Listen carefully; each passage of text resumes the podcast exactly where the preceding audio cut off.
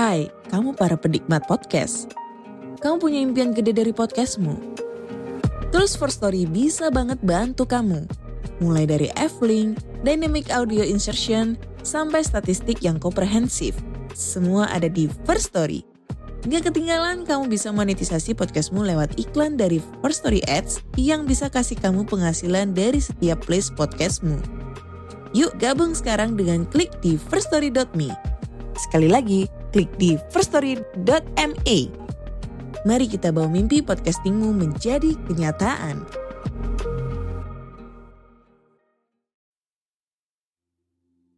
Lisir wangi Seliramu tumaking sirno Ojo tangikanmu guling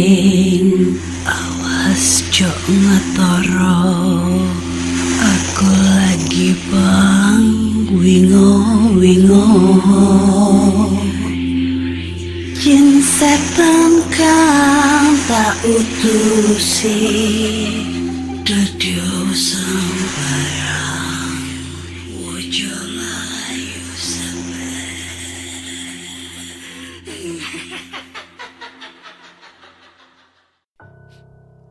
Hai Rek, iya apa kabar Ketemu lagi dengan aku si Ana di podcast kisah horor. Kita bertemu di episode 254.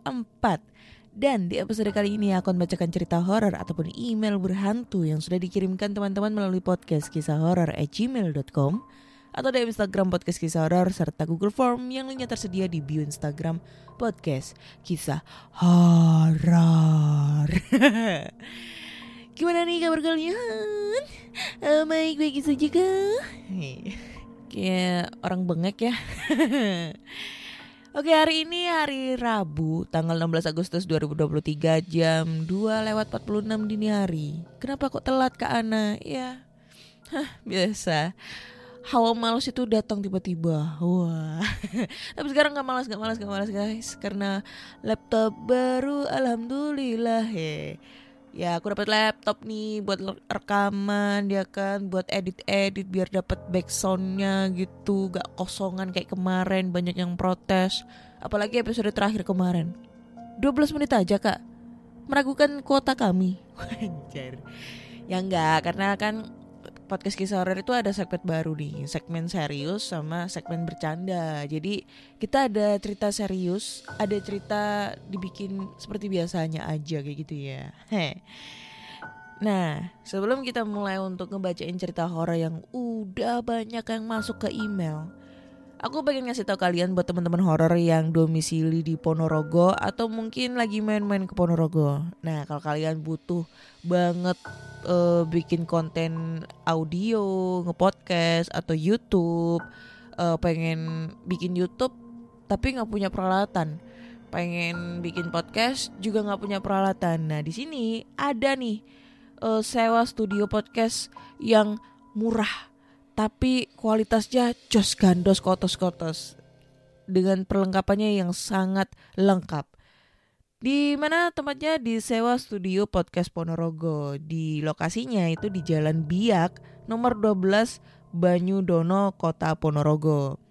Di situ tuh banyak banget peralatan yang lengkap, ada mikrofon, headphone, kemudian ada layar LED, kemudian ada kamera juga buat temen-temen yang pengen uh, bikin konten di YouTube ya, tapi ala-ala podcast. Model-model studionya tuh kayak studionya uh, Om Deddy Corbuzier kayak gitu-gitu lah. Nah itu bagus banget tuh buat temen-temen yang pemula yang pengen belajar bikin uh, podcast atau bikin YouTube. Coba dulu di situ uh, kembangin kreativitas di situ.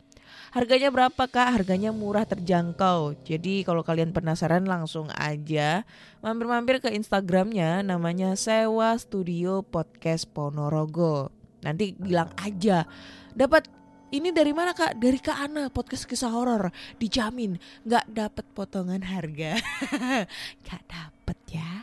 Aku cuma promosiin bantu promosi nih buat teman-teman semua yang pengen dipromosiin barang-barangnya. So mari langsung aja DM gratis ya syukur-syukur ada yang beli ya kan tapi ya wajib harus beli temen horor gak beli kebacut ya. Oke, jadi langsung aja kita masuk ke cerita nih ya. Dan cerita pertama ini datang dari Lucy. Judulnya adalah pengalaman seram di puskesmas. Wih. Hai Kak Ana. Kenalkan nama aku Lucy. Ini adalah pengalaman pribadi yang aku alami beberapa tahun yang lalu saat untuk pertama kalinya aku harus masuk puskesmas. Maaf kalau ceritanya berantakan. Waktu itu karena alergi yang aku punya kambuh, aku minum obat yang aku beli di salah satu apotik. Entah karena dosisnya terlalu tinggi atau karena tubuh aku saat itu nggak fit, aku ngerasa tubuh aku kayak melayang, pusing, dan lemas. Singkat cerita, aku dilarikan ke puskesmas puskesmas yang gak jauh dari rumah. FBI, di daerahku belum ada rumah sakit besar dan klinik pun jauh dari sana. Hanya ada satu puskesmas yang udah ada sejak bertahun-tahun lamanya. Di puskesmas, aku ditangani sesuai prosedur kesehatan dan katanya harus dirawat inap semalam. Aku nggak tahu kenapa aku ditempatkan di ruang ICU, ruangan setelah UGD. Di ruang ICU puskesmas itu ada kurang lebih empat bangsal dan dua kamar mandi yang lampunya mati. Aku tidur di bangsal ketiga dari arah pintu, berhadapan dengan kamar mandi yang ditutupi sekat tirai warna hijau. Saat itu aku saat itu yang menunggui aku di rumah sakit cuma bapak yang tidur di bawah ranjang dengan beralas tikar. Tapi, eh, karena pengaruh obat, aku tidur. Tapi pas tengah malam, aku kebangun. Aku nggak tahu itu jam berapa, karena di sana nggak ada jam dan aku juga nggak bawa HP. Hal pertama yang aku lihat itu tirai hijau yang menutupi kamar mandi dan sesuatu yang memunggungi eh yang memunggungi aku di celah antara tirai yang agak terbuka. Wanita yang wanita dengan rambut sepunggung yang agak sedikit berantakan dan bajunya berwarna putih lusuh. Awalnya aku pikir perawat yang mau ke kamar mandi ditambah habis itu si wanita itu masuk ke dalam kamar mandi Lama aku nunggu gak ada suara air yang terdengar. Lagian pintunya juga gak ditutup rapat. Dan di situ aku ngerasa ada yang aneh. Karena ngerasa ada yang gak beres, aku coba buat tidur. Pura-pura tidur lah tepatnya. Tapi gak tahu gimana, aku malah ngerasa penasaran. Aku buka mata lagi, dan yang aku lihat malah anak kecil dengan mata merah dan gigi bertaring yang tembus dari tirai. Gak tahu kenapa aku jadi deg-degan nulis ini gak. Dia ngegerakin mulutnya kayak ngajak aku bicara. Karena aku takut dan badan juga udah keringetan, aku coba buat mejemin mata dan baca doa apa pun yang aku bisa. Berharap pas buka mata dia gak ada di sana. Tapi ternyata Pas buka mata, dia masih di sana. Dengan ekspresi seperti marah. Tapi saat aku berhenti berdoa, dia balik lagi ngajak aku ngomong. Saat itu aku bener-bener tatapan sama makhluk itu. Dan bagaikan di film-film horor, aku malah pengen banget buka tirainya. Tahu kan di film horor itu gimana? Karena baca doa bolak-balik dia gak pergi-pergi juga. Akhirnya aku bangunin bapak yang lagi tidur. Bapakku nanya, aku mau apa? Dan saat itu aku langsung jawab, buka tirainya. Pas itu aku nggak tahu bapak aku lihat atau enggak. Tapi yang pasti aku bangunin bapakku. Makhluk itu berekspresi marah. Mata merahnya semakin tajam natap aku. Tapi saat itu bapak aku nggak buka tirainya, malah nyuruh aku tidur. Bapak pindah duduk di kursi samping aku, nggak lanjut tidur. Aku ngerengek terus supaya dibuka tirainya, tapi aku nggak mau. Aku sampai ngancem mau buka sendiri, tapi bapak aku nahan aku dan suruh aku baca doa. Aku coba tenang dan baca doa. Aku coba merem pas baca doa dan buka mata. Setelah selesai baca doa, tapi makhluk itu masih di situ dengan ekspresi masih tetap sama, marah. Aku semalam semalaman itu cuma tidur tidur ayam. Sedangkan bapak aku tidur di kursi. Saat kedengar suara azan, aku buka mata lagi dan makhluk itu ternyata masih di situ, masih natep aku. Aku lanjut merem karena udah jengah juga tatap eh, tatap-tatapan. Paginya sekitar jam 5 lebih, langit juga udah mulai agak terang. Kata bapak, aku jalan keluar puskesmas nenteng infusan sambil bilang, Hayu, uih bumi, ayo pulang ke rumah berulang-ulang. Pas itu bapak aku habis dari warung di depan puskesmas beli lontong. Aku nggak inget kapan aku jalan. Yang aku inget cuma pas bagian aku di luar puskesmas dan di papa masuk lagi sama bapak. Paginya begitu dokter datang memeriksa, aku langsung minta pulang. Besoknya aku ceritain yang aku alamin ke mama dan bapak. Waktu itu mama malah bilang, untung gak ikut nginep. Sedangkan bapak ternyata juga lihat. Kata bapak, sebenarnya di bawah dia nggak tidur. Soalnya dia kebangun gara-gara ada yang cabutin bulu kakinya. Dan tentang kondisi aku yang jalan keluar tanpa sadar itu, aku baca di Google. Katanya itu cara makhluk itu nunjukin tempat dia tinggal. Dan berdasarkan arah jalan yang dibilang bapak aku, arahnya itu mengarah ke ruang jenazah. Kalau ingat itu aku suka takut sendiri, gak kebayang. Gimana kalau waktu itu bapak aku gak lihat aku? Dan tapi sialnya selang dua hari aku harus balik lagi ke puskesmas karena anemia sampai engap. Dan karena harus nunggu ruangan kosong, harus balik lagi ke ruangan ICU itu. Tapi pas itu aku langsung bilang pindahin tirainya, tutup pintu kamar mandinya. Dan alhamdulillah aku gak lihat makhluk itu lagi. Dan gak mau lihat lagi. Oh iya, Mungkin ini juga karena aku minum air doa. Thanks ke Ana udah dibacain cerita aku. Sorry kalau ceritanya berantakan dan kurang serem. Semoga ini menambah, dosis horor para pendengar podcast kisah horor. Sukses terus buat Kak Ana. Wassalamualaikum warahmatullahi wabarakatuh. Waalaikumsalam warahmatullahi wabarakatuh. Thanks Lucy buat ceritanya ya. Serem anjay, baru kali ini ya ada setan nyabutin bulu kaki untung gua nggak punya bulu kaki coy. Kan serem dicabut bulu kaki. Uh, sakitnya kayak gimana anjay? Bangun lu bangun lu. Dicubit-cubit apa dicabut-cabut gitu ya? Berasa cabut uban. Bangun gak lu? Gue cabut nih bulu lu. Puskesmas. Eh puskesmas emang ada kamar jenazah ya? Gue baru tahu loh. Soalnya di puskesmas tempat gua tempat tinggal gua itu emang ada ruang ICU ada ruang UGD ada rawat inap tapi cuma beberapa kamar gitu kan. Eh iya beberapa ranjang gitu loh. Ibaratnya buat keadaan darurat doang. Tapi kalau setauku di puskesmas itu nggak ada ruang jenazah gitu loh. Ruang jenazah hanya ada di rumah sakit. Karena setiap ada kejadian selalu dirujuk ke rumah sakit gitu kan aneh gitu kalau misalnya di puskesmas ada ruang jenazah. Ini tempatnya di mana gitu kan.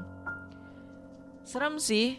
Tapi gue baru tahu kalau semisalnya kalau lu berjalan tidur itu menandakan uh, menandakan apa tadi? Uh, bahwa kamu akan ditunjukkan tempat tinggal si makhluk halus tersebut gue baru tahu teori ini gitu loh. Kalau misalnya kita sleep sleep paralysis gitu ya, atau jalan sambil tidur. Eh sleep paralysis kok jalan sambil tidur sih? Ya pokoknya jalan sambil tidur gitu. Itu menandakan kalau kalian bakal uh, dituntun menuju ke tempat makhluk astral atau makhluk halus itu berada atau bertempat tinggal bersemayam kayak gitu ya. Gue baru tahu. Tapi gue baca-baca di Google ya kalau misalnya kita sleepwalking atau tidur sambil jalan itu bukan berarti eh, masalah klinik tapi eh, ada beberapa eh, penyakit yang namanya parasomnia gitu kan istilah yang digunakan profesional kesehatan untuk menggambarkan kondisi yang menyebabkan kejadian yang tidak diinginkan selama tidur. Nah, itu itu bisa terjadi karena faktor eh apa ya? Eh, karena cemas atau stres, terus habis itu kurang tidur. Lalu efek samping mengkonsumsi obat tidur atau obat-obatan sedatif, efek samping mengkonsumsi narkoba atau minuman beralkohol. Kayak gitu-gitu. Jadi eh, nggak nggak disebabkan karena apa ya? eh klinik.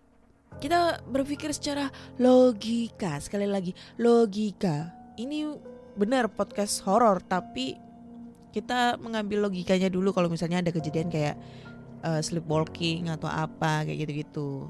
Jadi kalau misalnya dia di, dia bilang gue ditampakin sosok makhluk eh, kecil mata merah bertaring dan marah, oke gue percaya karena bapaknya juga mengalami itu juga ngelihat juga gitu loh maksud aku si Lucy juga ngelihat bapaknya juga ngelihat karena dia kebangun pura-pura tidur gara-gara dicabutin bulu kakinya. Tapi kalau masalah sleepwalking gue kayak kurang percaya kalau misalnya itu adalah tanda eh, ditunjukin tempat rumah makhluk halusnya. Kayak gitu guys.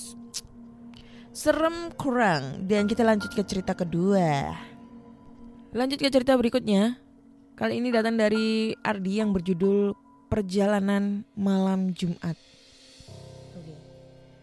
Hai Kak Ana, kenalin namaku Ardi. Kali ini kejadiannya lumayan agak lama ya Kak. Aku masih inget banget itu di tanggal 11 Desember 2014. Sedikit gambaran garis merahnya dulu. Aku mahasiswa tingkat akhir di PTN ternama di Jogja dan asal aku dari daerah Kabupaten Purworejo. Dua jam ke arah barat dari Jogja. Kebiasaan aku kalau pulang dari Jogja ke rumah selalu pakai kereta.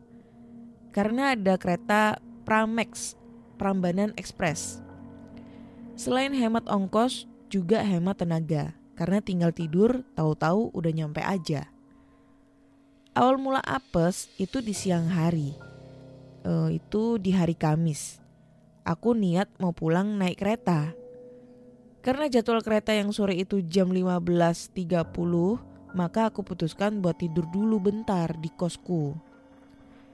Karena sekarang musim hujan dan kebetulan waktu itu hujan turun. Jadilah aku lebih nyenyak tidurnya dan bangun-bangun udah jam 4 lewat 15. Sial pikirku. Mana waktu itu duit udah habis dan mau gak mau mesti pulang naik motor hari itu juga. Dan untungnya duit masih cukup buat beli bensin sampai rumah. Setelah packing baju dan barang bawaan, meluncurlah aku berangkat pulang waktu itu jam 16 lewat 40. Perkiraan aku sampai rumah bisa jam 18 lewat 30. Sebelum berangkat, gak lupa isi bensin full dulu biar nanti gak berhenti-berhenti lagi buat isi bensin di jalan.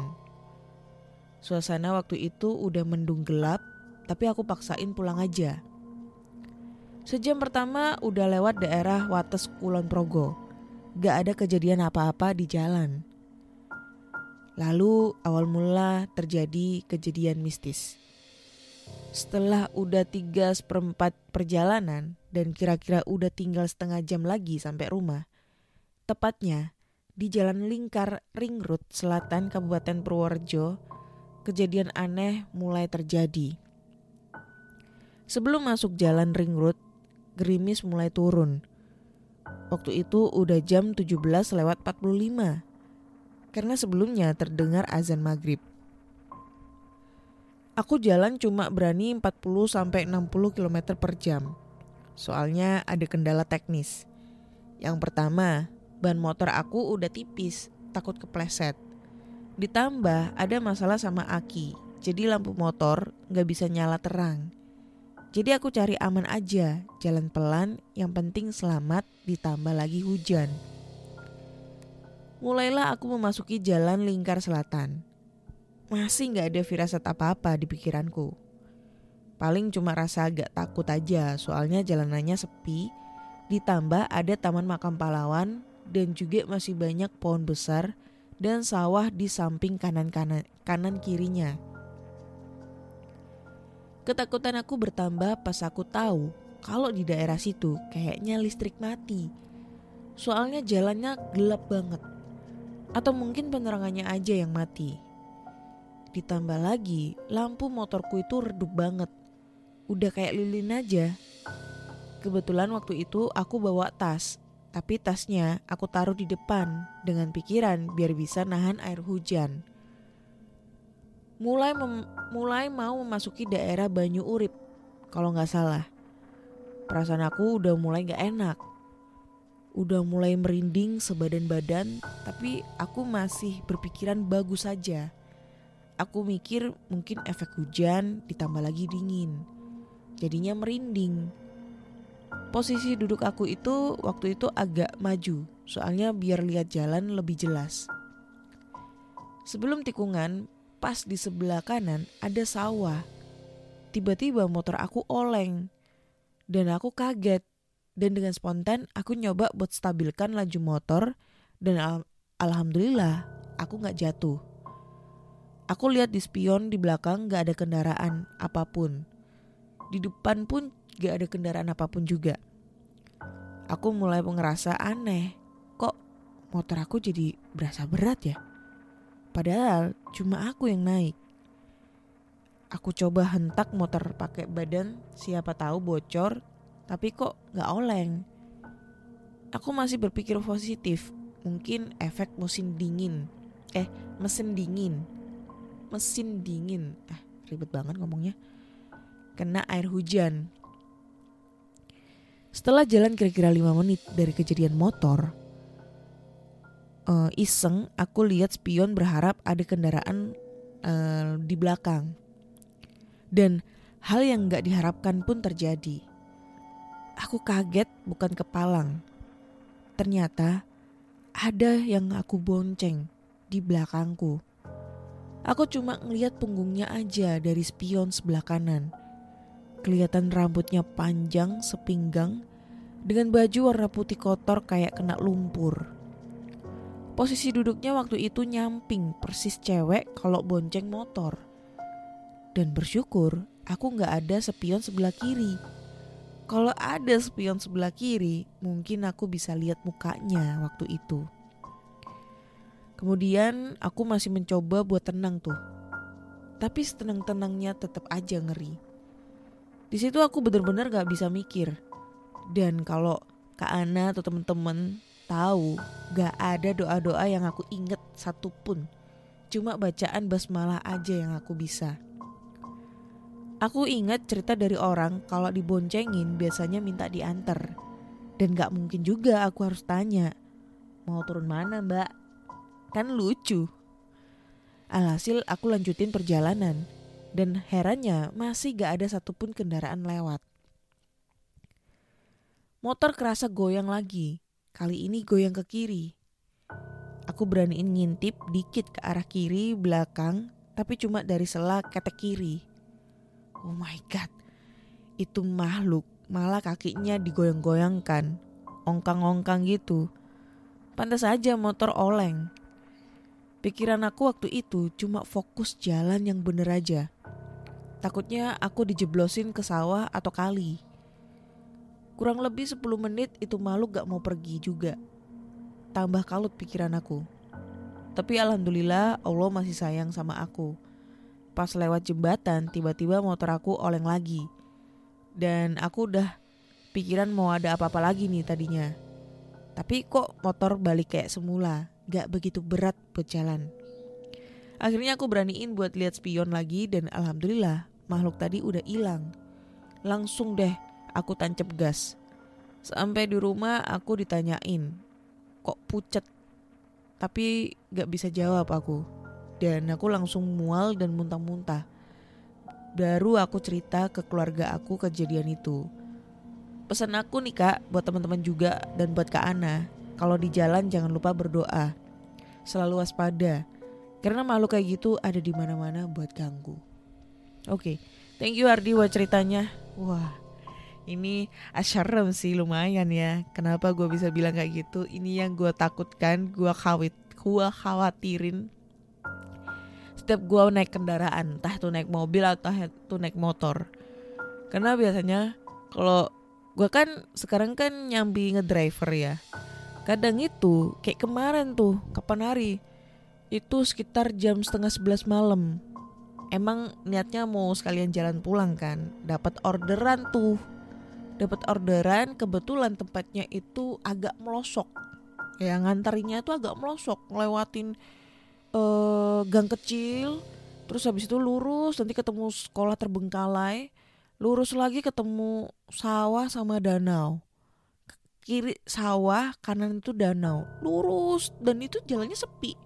Setengah sebelas malam coy sepi. Uh, lampunya juga nggak begitu terang pakai lampu neon tapi agak redup-redup gitu. Wah, horor bro. Pernah gue storyin tuh di Instagram. Gila sampai gue gak kelihatan jalannya. Nah, gue tuh sempat pikir, ah cerita kalau sampai ini belakang ada yang ngebonceng mati gue. Gue sempat pikir kayak gitu karena gue takut banget. Jujur gue takut kalau masalah kayak gitu. Gue mending ketemu di depan daripada gue ngebonceng di belakang. Kayak, wah Berarti kan jaraknya deket banget tuh kalau misalnya ngebonceng ke belakang gitu. Persentuhan bro, dada ketemu dada. Uh, kan gimana gitu kan? Kayak gimana gitu, dada ketemu dada gitu kan. Nah itu serem bro. Dan lagi kalau misalnya naik mobil. Biasanya tuh kalau naik mobil posisinya aku lagi sendirian nyetir terus masuk di tol dan kebetulan tolnya itu sepi mungkin maksudnya di tol daerah-daerah yang sepi ya. Kayak di daerah Probolinggo itu lumayan sepi tuh tolnya. Tuh gue su suka noleh ke belakang kalau malam. Takut ada yang ngikut. Gue sering kayak gitu pokoknya ngelihat ngelihat di kaca tengah itu ya spion tengah itu. Takutnya itu ada yang ngikut ke belak uh, ngikut gitu di belakang. Kan lucu gitu kan soalnya gue sering ngedapetin cerita-cerita yang kayak gitu. Dan hasilnya gue jadi parno gitu guys. Gue mending ketemu di tepat di depan mata daripada gue bonceng ke belakang. Deket gitu loh. Tuh guys.